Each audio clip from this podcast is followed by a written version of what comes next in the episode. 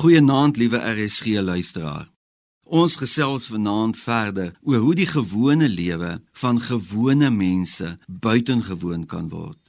Dit is mos wat maak dat 'n mens voel dat jou lewe betekenis het. Vanaand gesels ons oor meelewing met ander mense. Ek praat nie net van simpatie nie, maar van ware meelewing.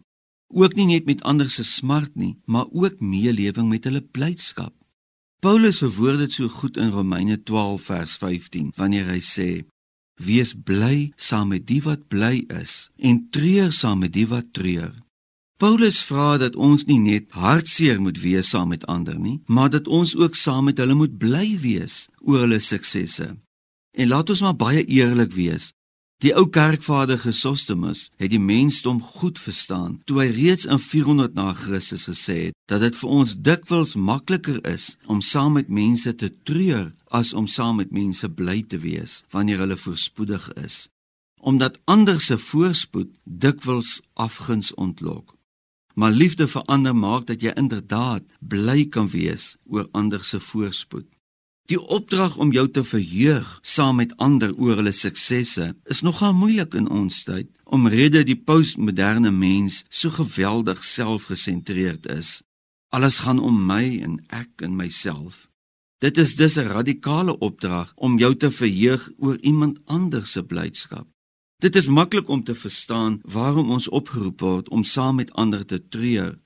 Maar waarom word ons gevra om saam met ander bly te wees? Hoe word die ander persoon daardie gehelp?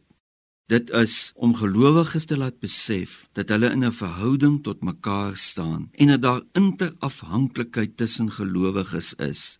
Dit is dus amper dieselfde as 1 Korintiërs 12 vers 26 wat sê: As een lid ly, ly al die lede saam, en as een lid geëer word, is al die lede saam bly.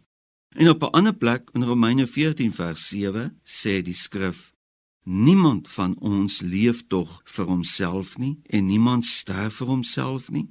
Ons is een groot familie en daarom is die belange van medegelowiges ook vir my belangrik.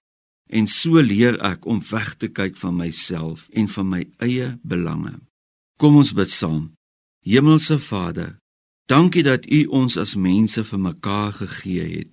Verander ons gesindheid sodat ons ware lewensvervulling kan kry deur vir mekaar te leef en met mekaar saam te leef. Amen.